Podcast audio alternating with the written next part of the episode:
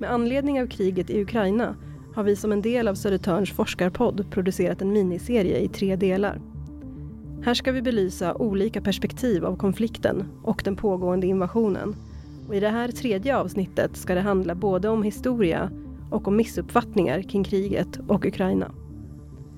Vi ska ta reda på vilka ryska idéer som ligger bakom invasionen och varför Ukraina är så ekonomiskt och symboliskt viktigt för Ryssland. Vi ska också reda ut missuppfattningar om att ukrainare och ryssar är ett folk och att rysktalande ukrainare stödjer invasionen. Dessutom, invasionen av Ukraina startade redan 2014 när Ryssland annekterade Krim. Så varför har så många uttryckt förvåning över att Ryssland nu inlett en fullskalig invasion? Och har omvärlden gjort tillräckligt för att hjälpa till? Jag heter Emma Williams och med mig idag har jag Julia Malitska som är historiker och projektforskare och Olena Podolian som även hon är projektforskare och statsvetare här på Södertörns högskola. Och det här samtalet kommer att hållas på engelska.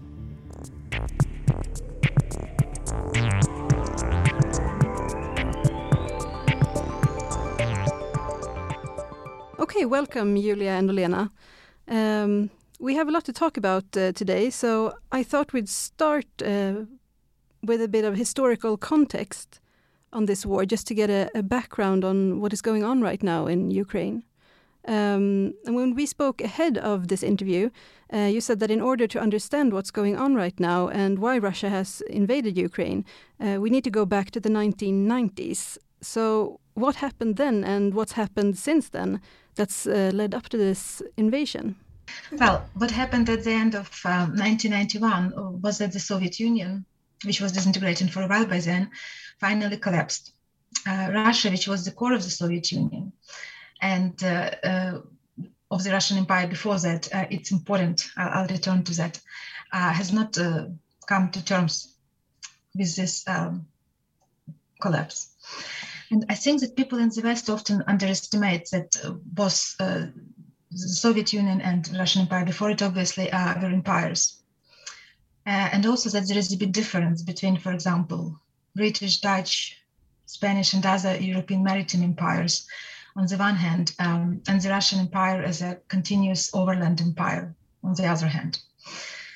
Uh, I think this uh, underestimation of a difference blurs our understanding that a lot of entities, which nowadays we know as uh, independent states, uh, were conquered by Russia and, and used to be uh, its de facto colonies.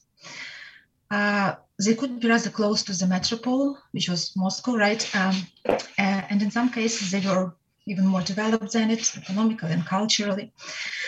Uh, I would say that uh, in the Russian Empire, this was the case with the Ukrainian lands and later with Poland and Finland as part of the Russian Empire, although they had a special autonomy that Ukraine, for example, didn't have.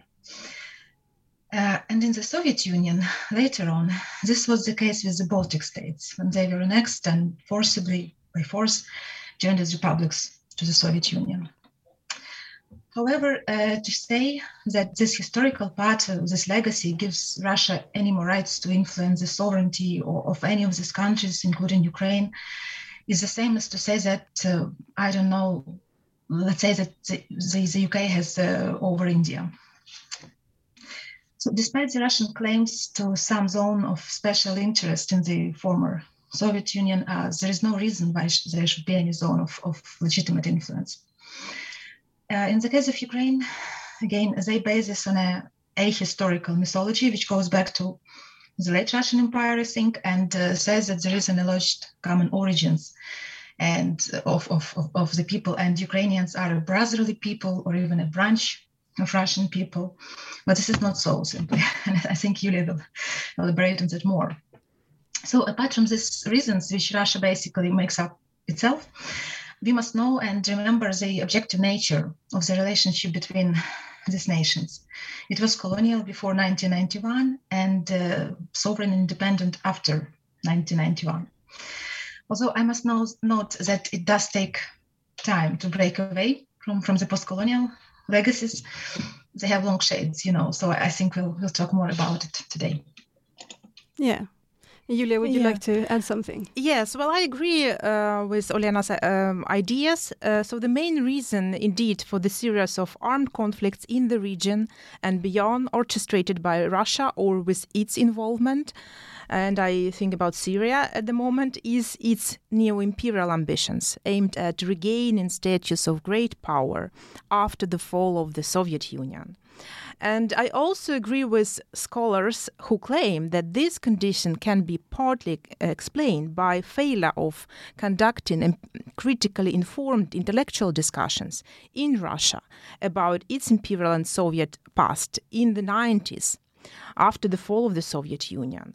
And uh, you, Olena, mentioned indeed many empires, um, British, German, for instance, empires, they went through the process of de imperialization, right? But Russia, in case of Russia, um, uh, the, the country went on to new imperial turn. And Julia, when we spoke earlier, you said that um, you have some reservations about talking about history in the context of uh, Putin's uh, speeches. You said that um, his version of reality is uh, an al alternative reality and has nothing to do with history writing and historical facts. Uh, can you explain this a bit further? Well, yes, um, the historical preconditions and reasons for Putin's warfare in the region and towards Ukraine are, of course, very important to discuss and be aware of. Um, but references to history, um, distorted and falsified, played a huge role in uh, Russia's neo imperial ambitions. And you're right, I do have certain reservations in juxtaposing Putin's version of history with historical research and historiographic debate debates. Of course, I understand intentions of fact checking of uh, Putin's historical references, um, but we know that in totalitarian contexts, historical facts can be distorted to the level of absurdity, basically. Uh, and all, all states and nations um, are invented and and are constructed. And many nations use so called invented traditions of various kinds, but not all of them ha- have such a uh, destructive and catastrophic effect. Uh, and indeed, Putin have been uh, driven by the desire to bring back uh, Ukraine into um, Russia's so-called legitimate sphere of influence, based on the false belief uh, that Ukraine is not a nation but a failed and incomplete state, and Ukrainians uh, and Russians are so-called one people, as Olena mentioned. And uh, the views that Russians, Ukrainians, and Belarusians not only form a single cultural sphere, but are one people have long history and basically enjoyed prominence in the political, academic, and military uh, circles of the Russian Federation, uh, but also Tsarist Empire and Soviet Union. Uh, it is indicative in this respect that uh, one of the intellectual gurus of the late Soviet Union and one of the uh, most respected Russian authors in the West, Alexander Solzhenitsyn, was also convinced in the belonging of Ukraine to Russia's national body. When we speak about Ukrainian history, so the elements of the Ukrainian history go back to the Middle Ages, and Ukrainian national movements and ideas uh, went back 100 years before the beginning of the Soviet Union. And for instance, in the 19th century, um, Ukrainian national revival got its its momentum. At that time, uh, the territories of um, uh, Ukraine were divided between uh, two empires, uh, Russian and Austro-Hungarian empires.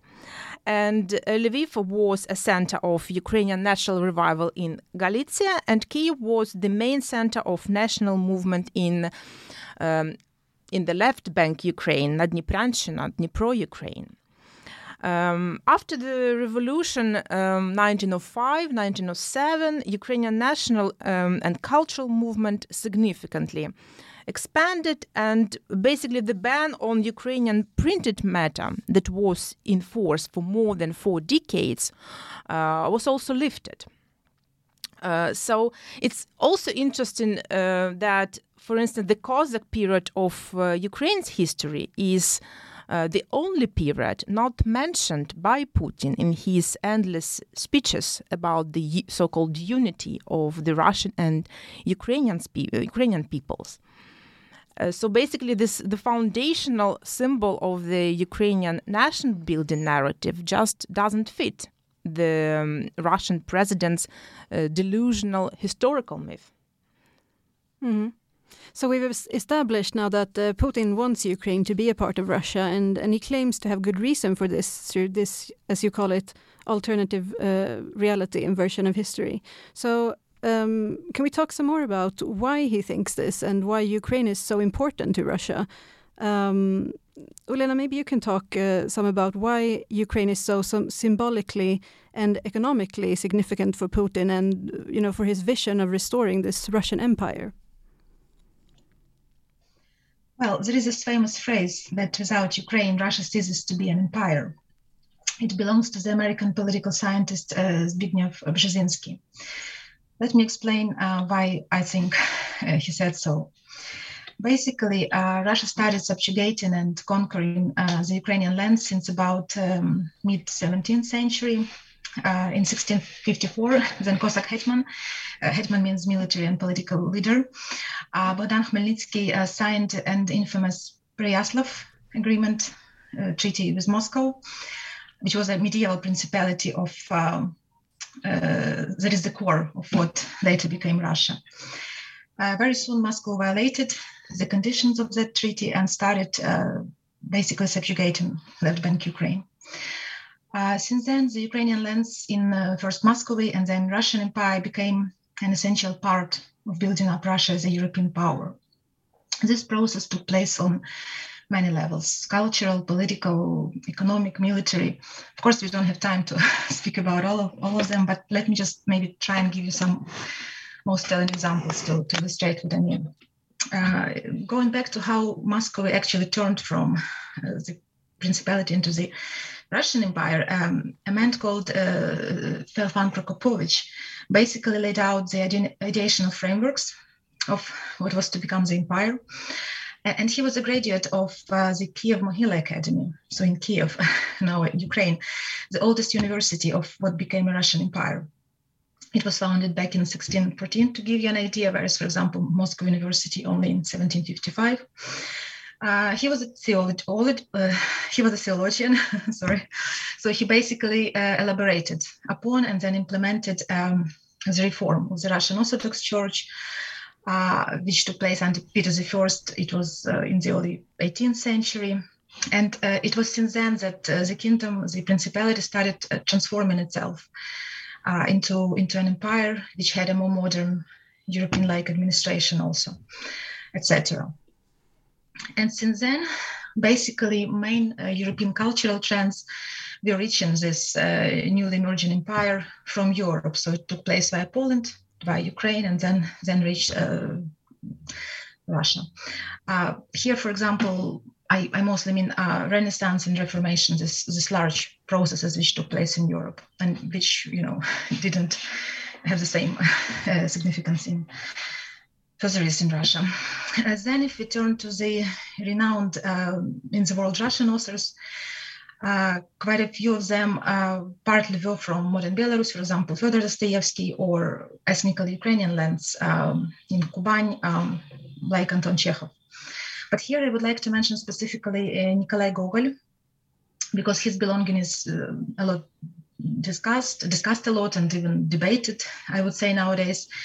Basically, he was from Ukraine. He wrote uh, his most pieces are about Ukraine, and of course, you know when we start rethinking this from nowadays perspective, it's um, it's exactly this imperial belonging which is defined by place and language, but ultimately, you, you know, you start questioning just ascribing everything to one single culture and, and everyone. Uh, when it comes to the military, both army and fleet, uh, Ukrainians always constituted a significant part of both Russian troops and navy, including their command. For example, uh, during the Crimean War of uh, back in mid 19th century, 15, uh, 1853 to 56, or also Russo-Japanese War in 1905, uh, 0405, uh, Ukrainians were crucial.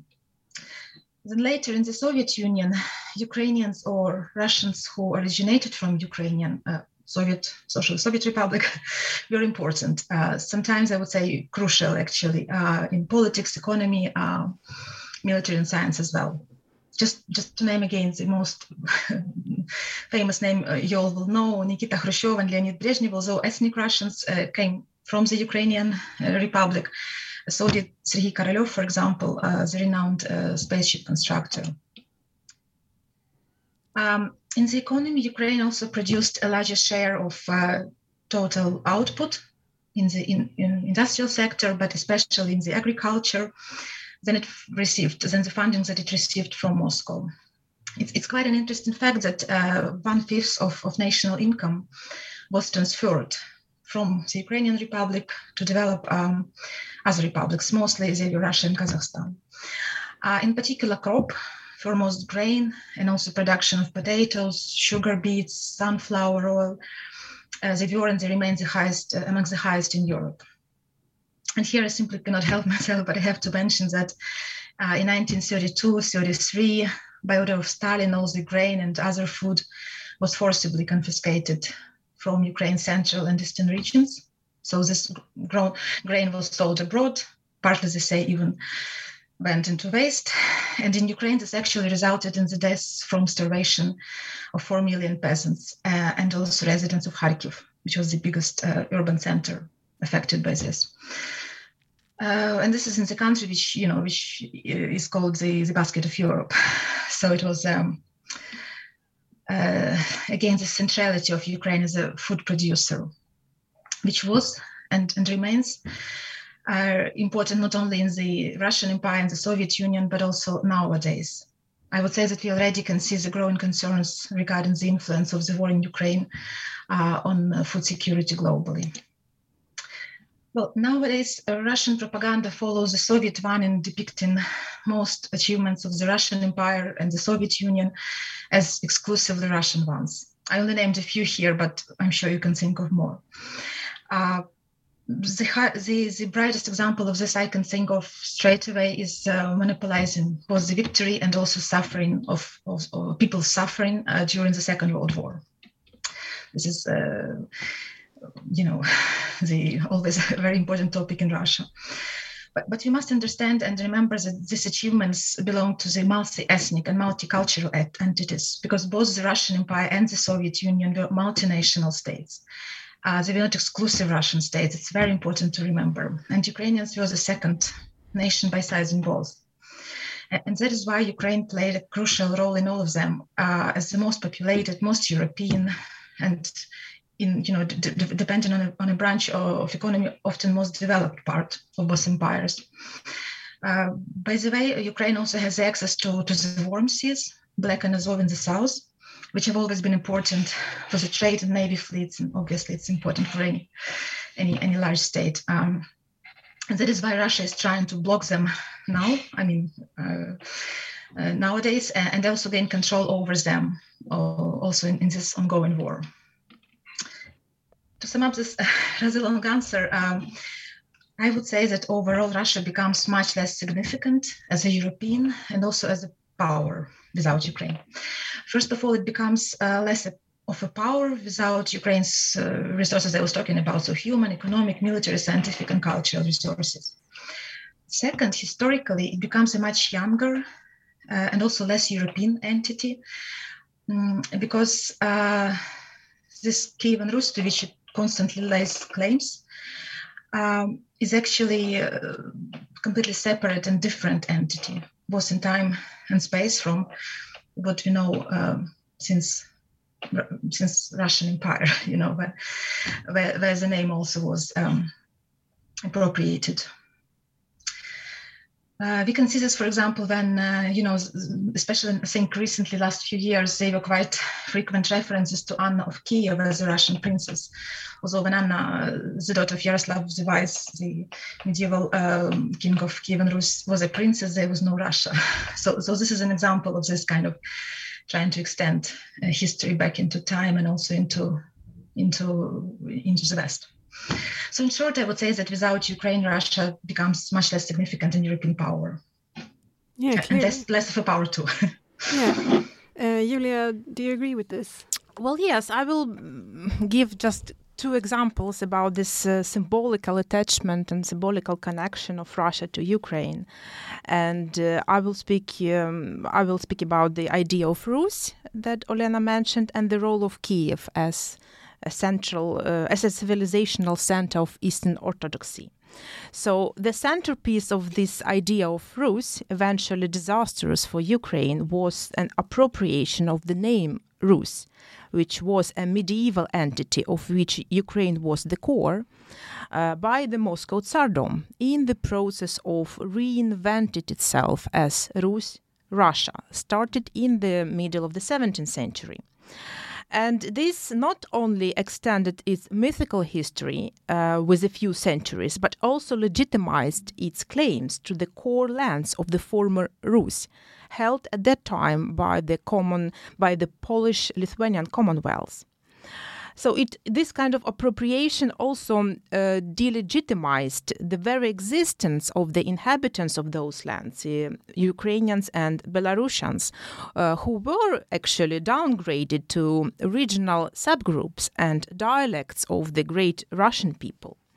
And now, just a few words about the significance of Kiev. So, and in a connection to the to the modern history of Ukraine.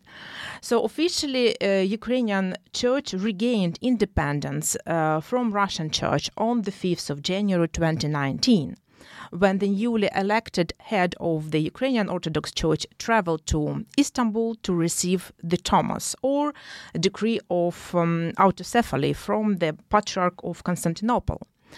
Uh, and here I would like to mention that uh, Ukrainian Orthodox Church was a metropolitanate under the Patriarch of Constantinople prior to 1686. And uh, so, how how did uh, Russia uh, or Russian Patriarch Kirill uh, react to that? in the end of January 2019, Patriarch Kirill of Moscow commented on this on the religious relationship between the Russian Orthodox Church and Ukraine, and in his comment he again emphasized that Kiev um, is, as he said, the mother of all Russian cities and. Uh, for many Russians and for Russian Orthodox Church, Kiev is like Jerusalem. And uh, he also mentioned that Russian Orthodox Church began in Kiev, and uh, so, in his view, uh, there are no circumstances that uh, the Russian Orthodox Church would abandon this historical and spiritual uh, relationship. And so he also mentioned in a way that the whole uh, unity of, um, as he said, our local church uh, is based on these spiritual ties. Yeah, that's also an important aspect. Yes. Um, and in our pre-interviews, um, Julia, you mentioned a, an important concept for understanding uh, Russia's foreign policy.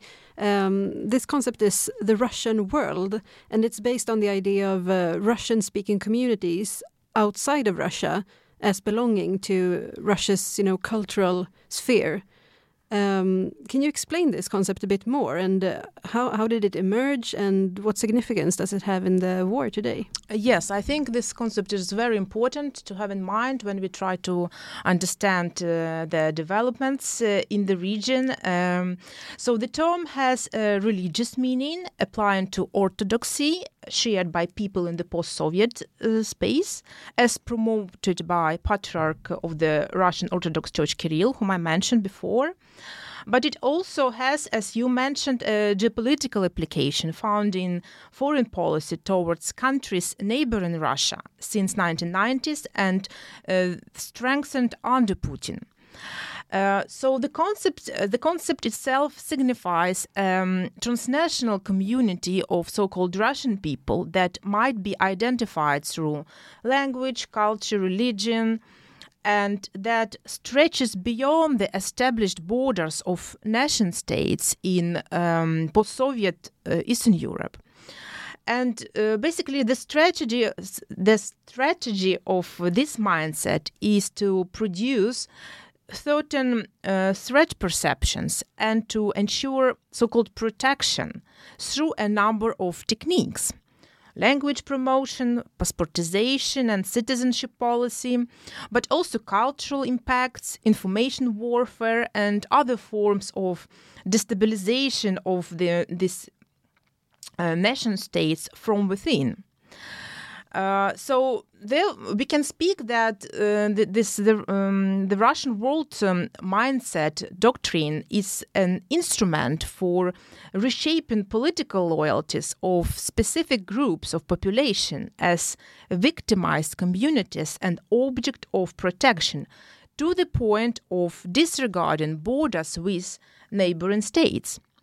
So basically, this um, this mindset um, justifies the violation of the territorial integrity of sovereign neighbors of Russia in the name of the protection of Russian-speaking population. And uh, this was um, this uh, mindset, these ideas were uh, very important in the annexation of Crimea and the launch of the Russia masterminded Novorossiya New Russia so called project in 2014. And when it comes to the origins, I mean, this is a huge uh, topic, but um, what I can say very briefly is that the first uh, concept- conceptualization started in 1990s and derived from Russia's existential insecurity after the fall of the Soviet Union, as well as post Soviet uncertainties of Russianness. And under Putin's rule, the Russian world uh, myth- mythology, I would say, uh, gained maturity.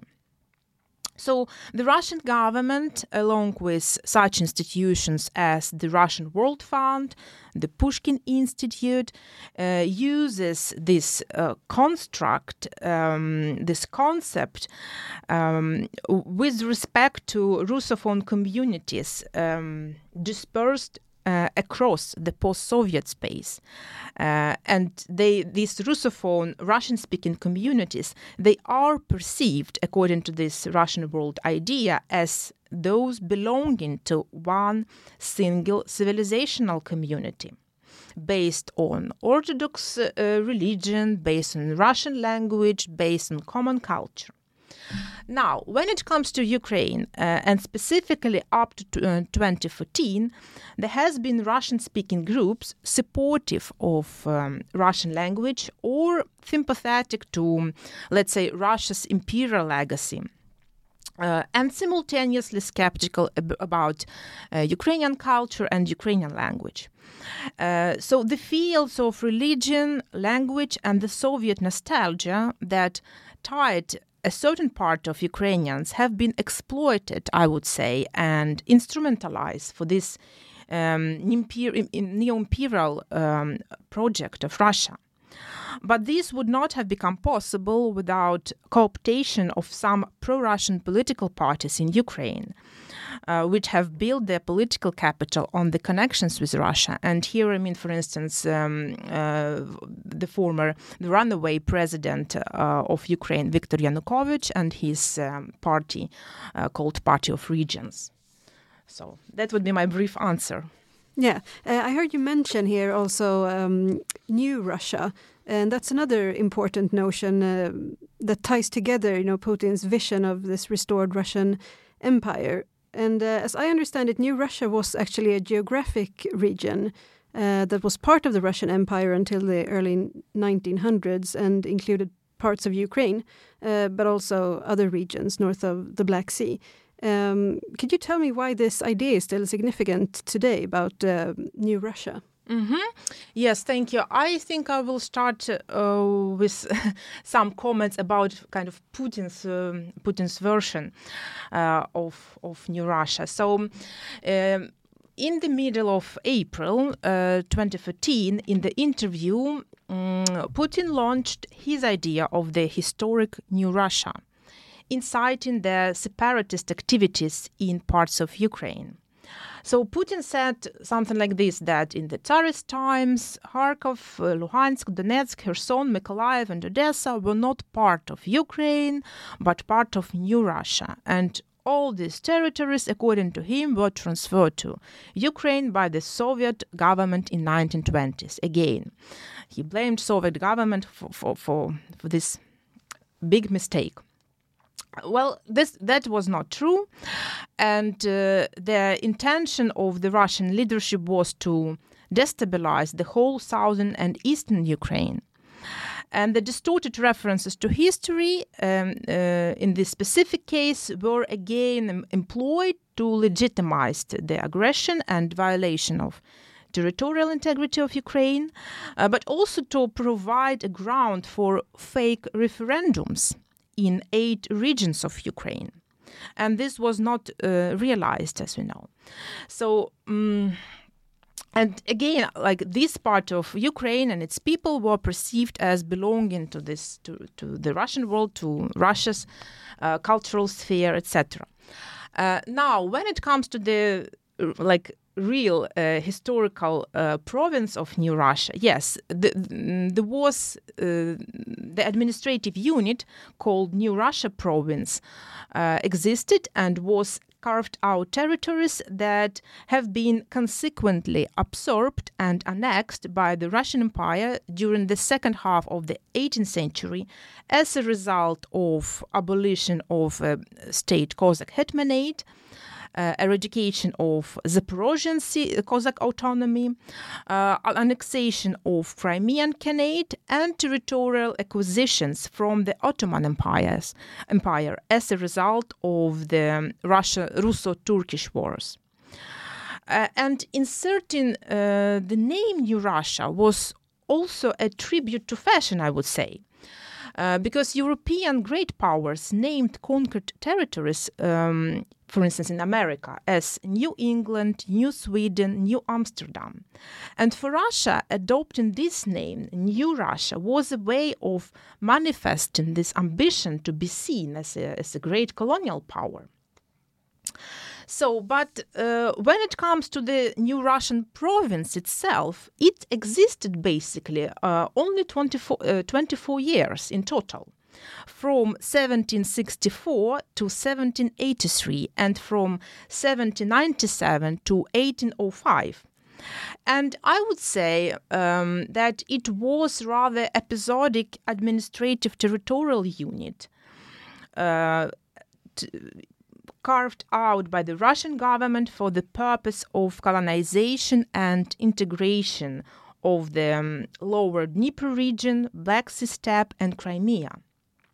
So the population of New Russia province didn't share any common identity. Uh, it is important to, I think it's very important to have it in mind. It was ethnically, linguistically, and confessionally diverse. Uh, so uh, according, for instance, to Soviet historian uh, Vladimir Kabuzan, the territories of southern Ukraine had been mostly spontaneously populated by Ukrainians. Uh, and we are talking about the second half of the 18th century and the 19th century. Um, and for instance, um, another interesting example is that the 1897 All Russian Empire Census statistics shows that Ukrainian was the native langu- language spoken by most of the population of uh, southern Ukraine. Uh, but with Russian and Yiddish languages dominated in uh, most city areas. So, New Russia as a historic term um, episodically appears in Russian imperial discourse up to the end of the 19th century, I would say. But as an administrative territorial unit, it disappears uh, in 1805 when the new Russian province was split into three smaller provinces of uh, Mykolaiv, Katerinoslav, and Tavria. Um, I would like to add that uh, when it comes to to reality, both so-called revolutions um, as a uh, anti-presidential. Sorry, No, no, no, no, no. It's uh, not now. Not now. Not now. No. It's it's next about this uh, clash. Okay. No? Okay, we'll take it after the next question then. Okay. Well, I can. Um... Now it's about uh, Russian world and New Russia. Uh, no, I understand, but it, it has to, to do with. I just introduced it with a protest, but then I mentioned that you know they did, didn't understand the loyalty to Russia and uh, loyalty, and also well difference in political culture. But this is after the clash. It's about the clash. Okay. Okay. So should I say just about political culture now then? No, because political culture is um, connected to the clash. Okay, we'll talk about the clash first. Okay, and then I'll let's, let's leave it for later Yeah. then, yeah. Okay.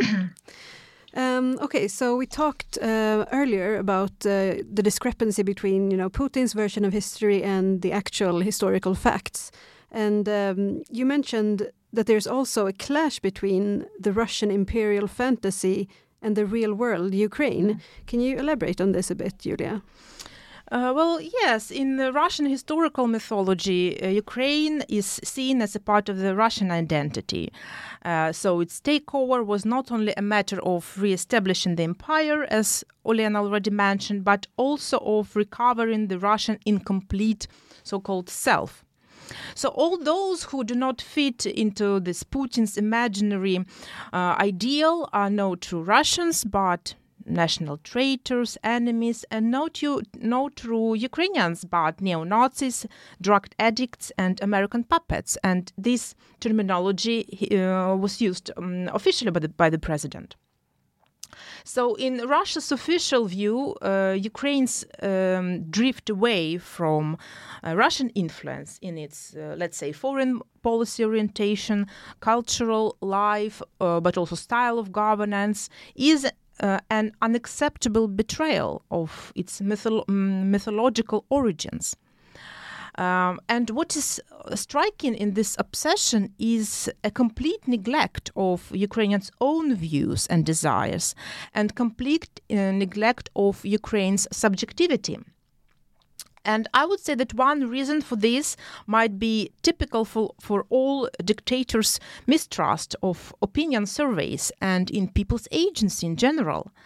So, Russian leadership and parts of Russian elite and society fell victim of their own delusions and a denial of an uncomfortable reality, I would say.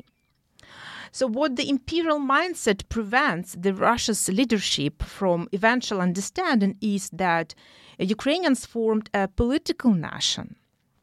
So, the issues of Ukrainian national political community building gained an even sharper importance after 2014 the focus of uh, uh, the former president of Ukraine, uh, Petro Poroshenko, was on army, language, and church as three pillars in securitization of the statehood and of national identity politics. And uh, Ukrainian armed forces is a telling illustration of this uh, civic political nation of Ukrainians. Uh, Jews, Tatars, um, Romas uh, fight shoulder by shoulder because they are all Ukrainians. Uh, most victims of Russia's terror, as we know, in the southeast are the Russian speakers he intends to protect, so called. And we also witness a huge resistance in the parts of Ukraine, which Russia and uh, many, many in, um, in the West and Sweden uh, considered to be pro Russian or um, Russia friendly. So these miscalculations and denial of uncomfortable reality by the Russia's um, leadership and a big part of the uh, Russian society are the reasons of failure of Putin's uh, blitzkrieg against Ukraine. Uh, but I also want to mention that we. Um, during the last weeks, I would say we witness radicalization of official Russian discourse concerning Ukraine and dehumanization of Ukrainians in uh, the public discourse of Russia. So, uh, and here uh, I would like to mention the article by a spin doctor uh, Timofey Sergeytsev entitled What Should Russia Do with Ukraine? The article was published in the beginning of April, on the 3rd of April, if I remember correct, uh, in the Russian uh, state owned news venue RIA. And this article is a good illustration uh, to this dehumanization of uh, uh, Ukrainians. So the article describes uh, Russia's plans for the genocide of Ukrainians in details. And I think uh, all these ideas articulated in this article uh, can explain the, the systematic war crimes and the atrocities committed by uh, the Russian soldiers against Ukrainian uh, civilians. And I also think that it also, in a way, explains all these um, missile attacks on hospitals, on objects of historical and cultural heritage. Um, so, yeah. I would like to add that uh, when it comes to, to reality, um, what we know as uh, two so-called revolutions, as the anti-presidential protests in Ukraine in 2004 and uh, in 2014 uh, are often called, uh, have shown that uh, Kremlin basically misunderstands the nature of the Ukrainian society. they thought that all or most of Russian speakers were loyal to Russia, up to the point where they would give up the independence of Ukraine and join Russia support this uh, idea. That uh, idea was wrong then, and it remains wrong now, as we can see in the protests in the cities in the south uh, currently occupied by Russia, such as Kherson, Melitopol, and others. And when it comes a bit um, more, a bit broader to difference in political culture that you already has laid out, Ukrainians traditionally distrust the vertical hierarchy and authority. Uh, I agree with the viewpoint which explains it by um, that this is mostly due to the long absence uh, uh, of own state when the states where Ukrainians lived was Russian, Polish, or someone else's. But I also think that um, uh, there is another good explanation for that is that Ukrainian society is uh, more democratical and horizontally organized. Um, and in contrast, Russian society has been vertically organized for many centuries and now we, we can see the climax of, the climax of this process when uh, the society at large not only uh, doesn't oppose, but at times actually actively supports uh, the, the, this very cruel and um, extremely cruel and senseless war. And this is despite the fact that, uh, as we already discussed, uh, for decades, under the Soviet Union in particular, Ukrainians were presented as supposedly brotherly people. But during the last few years, uh, it was enough to change the narrative to start depicting first Ukrainian leadership and then the whole people as Nazis. Although I have never quite understood what they mean by this, and, and it was enough to turn to, to turn the tide in public opinion. So, part of what we've uh, talked about so far with concepts like New Russia and the Russian world, uh, they touch on the idea that Russians and Ukrainians are one people. And this is an idea that you know Putin's used to justify this invasion to the rest of the world, even though it has nothing to do with reality. But these ideas that Russians and Ukrainians are one people and that the Soviet Union is uh, largely associated with Russia and Russianness, um, perhaps they've created some confusion. There's also been a misconception that all Russian speaking Ukrainians are actually pro Russian. Um, can you talk a little bit about this, Olena? There's a good expression by Andreas Kappeler that a large problem of Ukraine is that it doesn't have a place on the mental map of Europe until now. To put it simply, most Europeans know Germany, Poland, and, and then Russia further to the east. And this is understandable to an extent that they are older historical entities but it is not quite clear where Ukraine has appeared from and how it fits in. Uh, well, Ukraine has been there since the early modern ages, as we've already discussed, but of course not as we know it now as a modern state, but as part of Russia, Poland, and at times other entities such as the Habsburg monarchy, for example. However, I think that this lack of awareness um, uh, about Ukraine and its place uh, uh on the map and in history is not accidental. First, the Russian Empire and then the Soviet Union after it had a set of policies which diminished the space for application and use of Ukrainian uh, of the Ukrainian language and culture. When it comes to the language, uh, the legacy of the Russian Empire and the Soviet Union languages policies uh, is that um, cities in Ukraine are basically predominantly Russian speaking, except for the, except for the west of the country.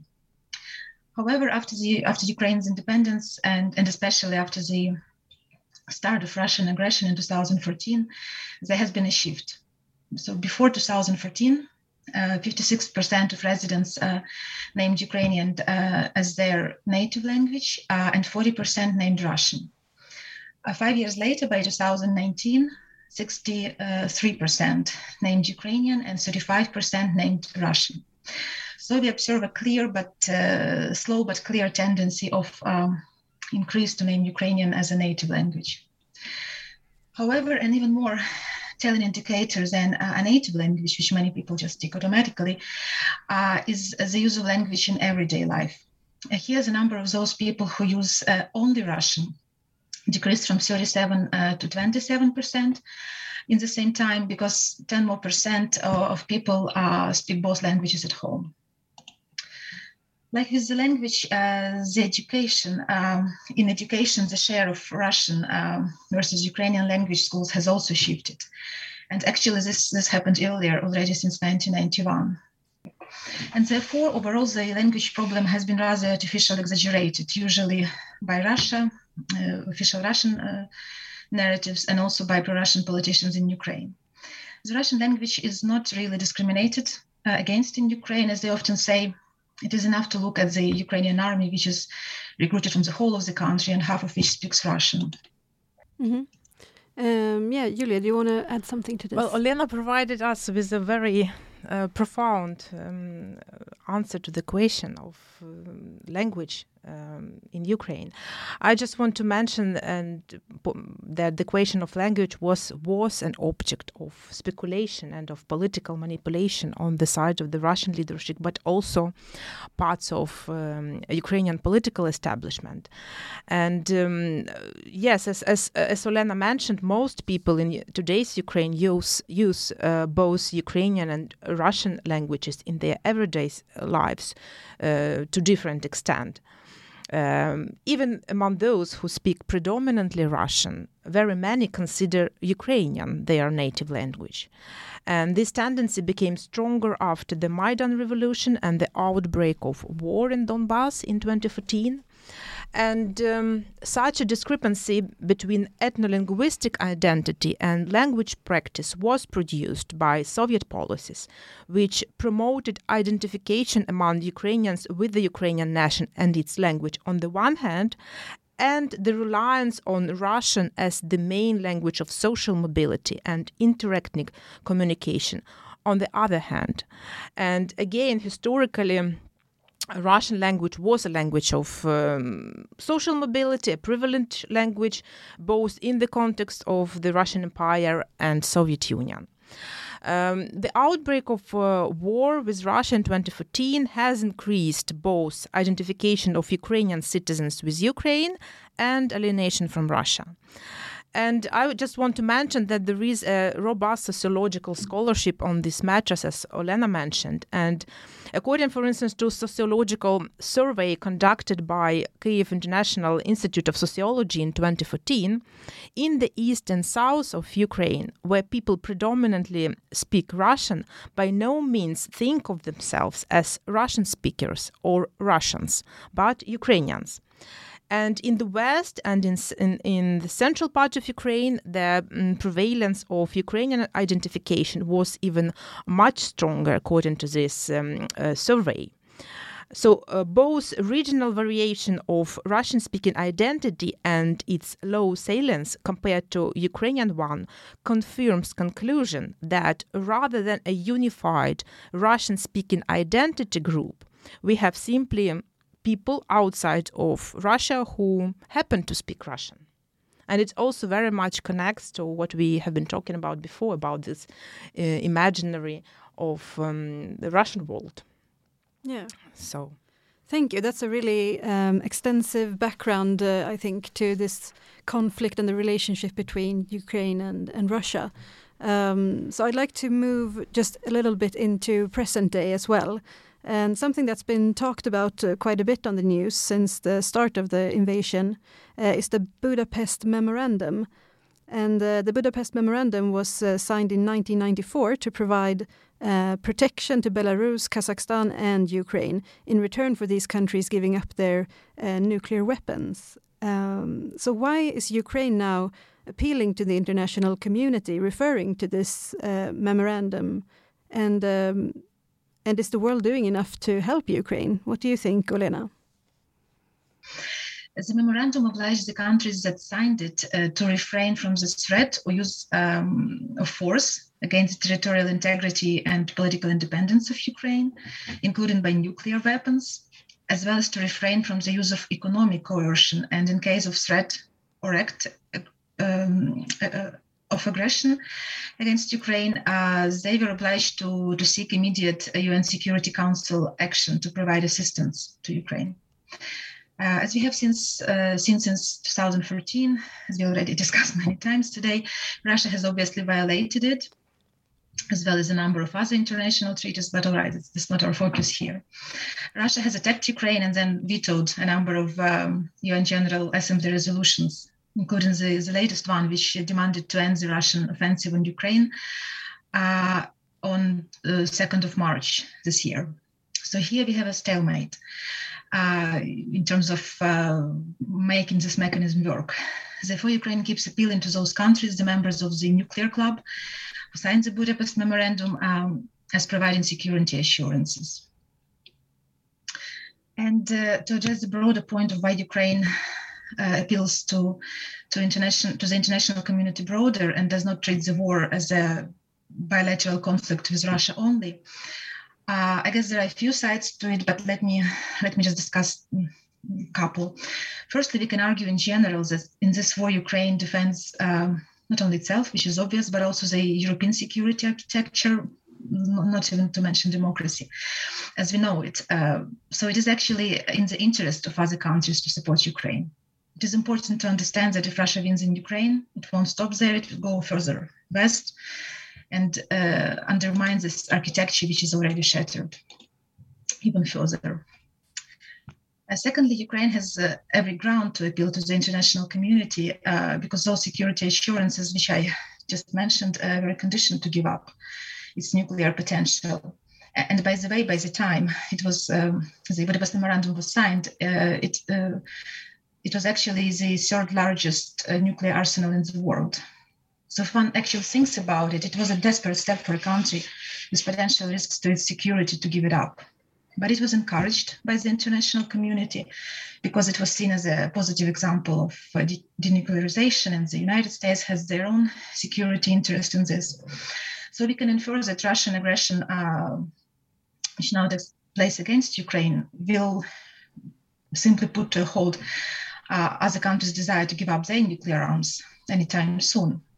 And this is why uh, this is more than a war with only regional consequences. It will have global ones due to nuclear security, and I've already mentioned food security as well as a global uh, outcome of this. As a non-member um, uh, of NATO, Ukraine cannot ask for direct military help. This is true.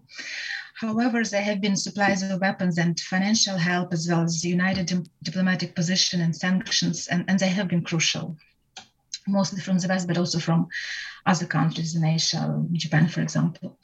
Maybe sanctions could have been introduced earlier, as President Zelensky argued even before the invasion, and clearly they will take a lot of time to start acting.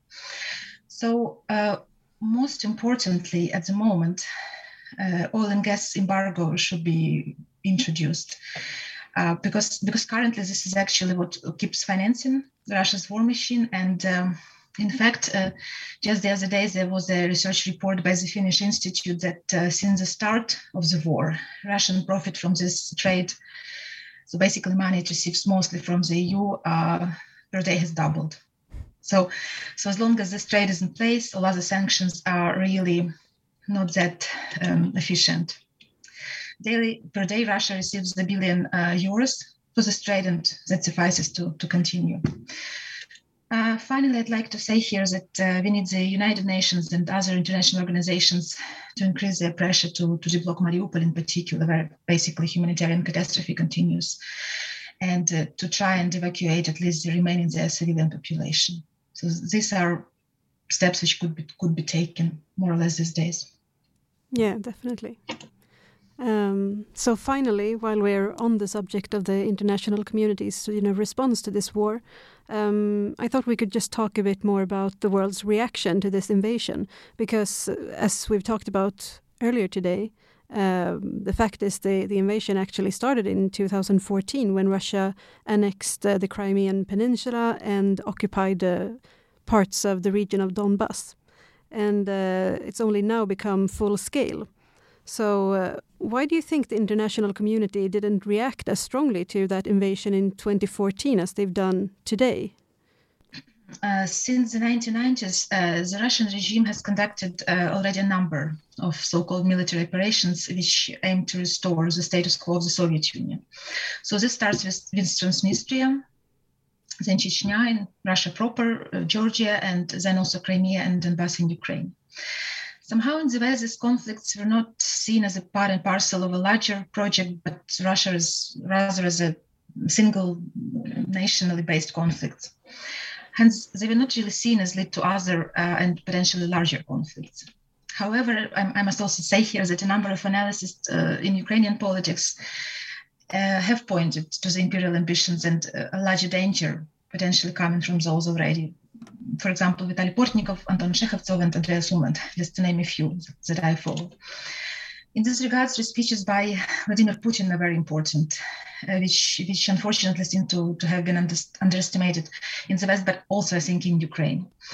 First was his uh, annual State of the uh, Nation address to the parliament and top officials, which take place every year. And um, it was in uh, April 2005, in which she called uh, the collapse of the Soviet Union the greatest geopolitical catastrophe of the 20th century and the genuine tragedy of Russian people, because many of them uh, found uh, themselves to be on Russian. Uh, the second famous or infamous, rather should I say, speech was pronounced uh, in February 2007 at the Security Conference in Munich, where he referred to Ukraine as uh, not being a real state. Um, and again, it's it's a very worn statement in itself, but somehow it wasn't, uh, I think, taken as a face value. Uh, the third, uh, the third happened uh, after the events that um, you know as Euromaidan protests in Ukraine, and which took place from late November 2013 to February 2014. Uh, and it was then, after these events on 18th March of March 2014, in his so-called Crimea speech, uh, when Putin pre- presented a whole list of false historical claims to Ukraine mostly they were about uh, the southern oblast were not historically Ukrainian, and once again that in 2014, as I just said, coup d'etat by neo-Nazis, Russophobes, and anti-Semites took place, which is simply not correct, as already mentioned. And finally, he said that after taking Crimea back, uh, you know, what Russia considers back, uh, Russia won't invade Ukraine anymore. And that promise was violated almost immediately as Russia organized so-called uh, separatist uh, movements in Luhansk, Donetsk, and other oblasts in southeast of Ukraine, uh, and then actually introduced its troops directly in July and August of 2014 in order to push back the Ukrainian army and occupy parts of uh, Luhansk and Donetsk Oblast, which remain under occupation until now. And after this, um, those areas under occupation, they became legally gray zone and development there has effectively stopped, whereas it has continued despite the political and economic issues we know about in the rest of Ukraine. And all these years, Kremlin tried to, so to say, return them, but it's on, it, on its own terms, so that they could get uh, sufficient economy to, uh, in Ukraine in order to veto its foreign policy. That was apparently the main aim behind such return. But once this failed, uh, because Ukraine wouldn't obviously agree on those terms, in spring 2021, last year, Russia started amassing its troops on the borders with Ukraine, and then again in autumn 2021, as we also activating in Donbass and finally fully invading on 24th February this year. Uh, and in between the stages, one more of amassing troops uh, last year, one more kind of important um, uh, not speech, but essay this time uh, by Putin, I would like to mention is um, the essay entitled uh, On the Historical Unity of the Russians and Ukrainians which he presented, well, it appeared on the Kremlin's website uh, in July 2021, and in which he developed further his ideas from the Crimea speech that I mentioned. So he again called modern Ukraine a product of the Soviet era created on lands of historical Russia and insisted that uh, independence of Ukraine was basically a historical abnormality. And by the way, I would say this is really important now, as we can see that Russians tried to occupy those very southern oblasts that he claimed do not belong to Ukraine historically, and established there and never existing in practice, as far as I know, southern Rus. Also, since a few last days, they started to expropriate and take away by trucks the grain from currently occupied Kherson Oblast in, in, in south to Crimea. So, as we discuss it here, history is not only uh, actively misused to justify this war, but actually partly repeats itself, which, which I personally find, find really scary. So, looking at these military operations and speeches, like like I just did very briefly, but but in a chronological order, it seems that uh, uh, you know we should have seen the disturbing logic behind these speeches and other events. There were also resolutions from the Russian Parliament and so on. We should have seen them more clearly and uh, act preventively. And it is clear now that all these quasi-historical claims were actually preparation for aggression and occupation of Crimea in 2014 was only the first stage of the war and not even the final ambition of the Kremlin. But I guess it was simply difficult to believe in such a full-fledged, in, in such a scenario of a full-fledged aggression, and too much hope was put on diplomacy, both in the West and in Ukraine, I guess. Uh, and finally, uh, this so-called regional conflict that I started talking about were not only seen as regional, uh, but also they didn't really result in a large scale violence, apart from maybe Chechnya, but, but that was in Russia itself.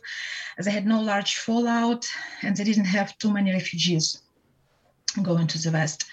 So again, they were not taken very seriously when there was an opportunity to continue business as usual and trade with Russia, which again, as I said, we, we observe even today, um, at least in important areas.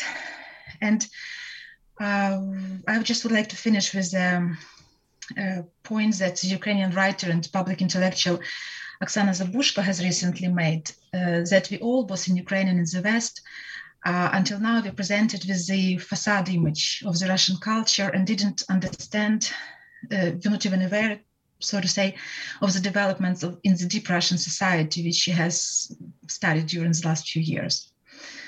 Um, unfortunately, these heartbreaking discoveries of mass crimes against civilians uh, conducted by the Russian troops in the towns and village of Kiev Oblast, but also in other places, as well as the ongoing cruel blo- blockade of Mariupol, leave no doubt to that. There was no military aim to those atrocities which are committed against uh, uh, men, women, and children, everyone, as well as destroying civil infrastructure and looting houses. So, to a large extent, this, the question remains also to the academia uh, why it has been a surprise, why this invasion has been a surprise to so many, if not all of us. Yeah, I mean, listening to you, it's uh, it's clear that we've people under many people underestimated Putin's ambition of restoring this Russian Empire, even though he's made no secret of it uh, for a long time. So, Julia, would you like to add something to to finish this? Uh, so yes, um, I, I would also say that the majority um, was simply wrong about Russia, and uh, the West also has been uh, denying uncomfortable reality. And Anton, Anton uh, Shekhovtsov, whom uh, Olena mentioned before, he speaks about Western procrastination in um, adequate responses to Russia's aggressiveness in the region. Uh, and here I would like to refer to um, another um, political commentator uh, and historian, Anne Applebaum, uh, who wrote a powerful column in the Atlantic just on the eve of the Russia's full-scale invasion on 13th of February, entitled "Why the West's Diplomacy with Russia Keeps Failing." And she uh, speaks, uh, she concludes her column with a sentence um, about a generation long refusal on the part of diplomats, politicians, and journalists and intellectuals to understand what kind of state Russia was becoming and to prepare accordingly. Uh, so I think this is a very good illustration um, to finish our conversation. Yeah, good note to finish on. So thank you so much for coming today. Om du vill veta mer om kriget och om Ukraina kan du gå in på sh.se Ukraina där vi har samlat nyheter och aktuell forskning från Södertörns högskola.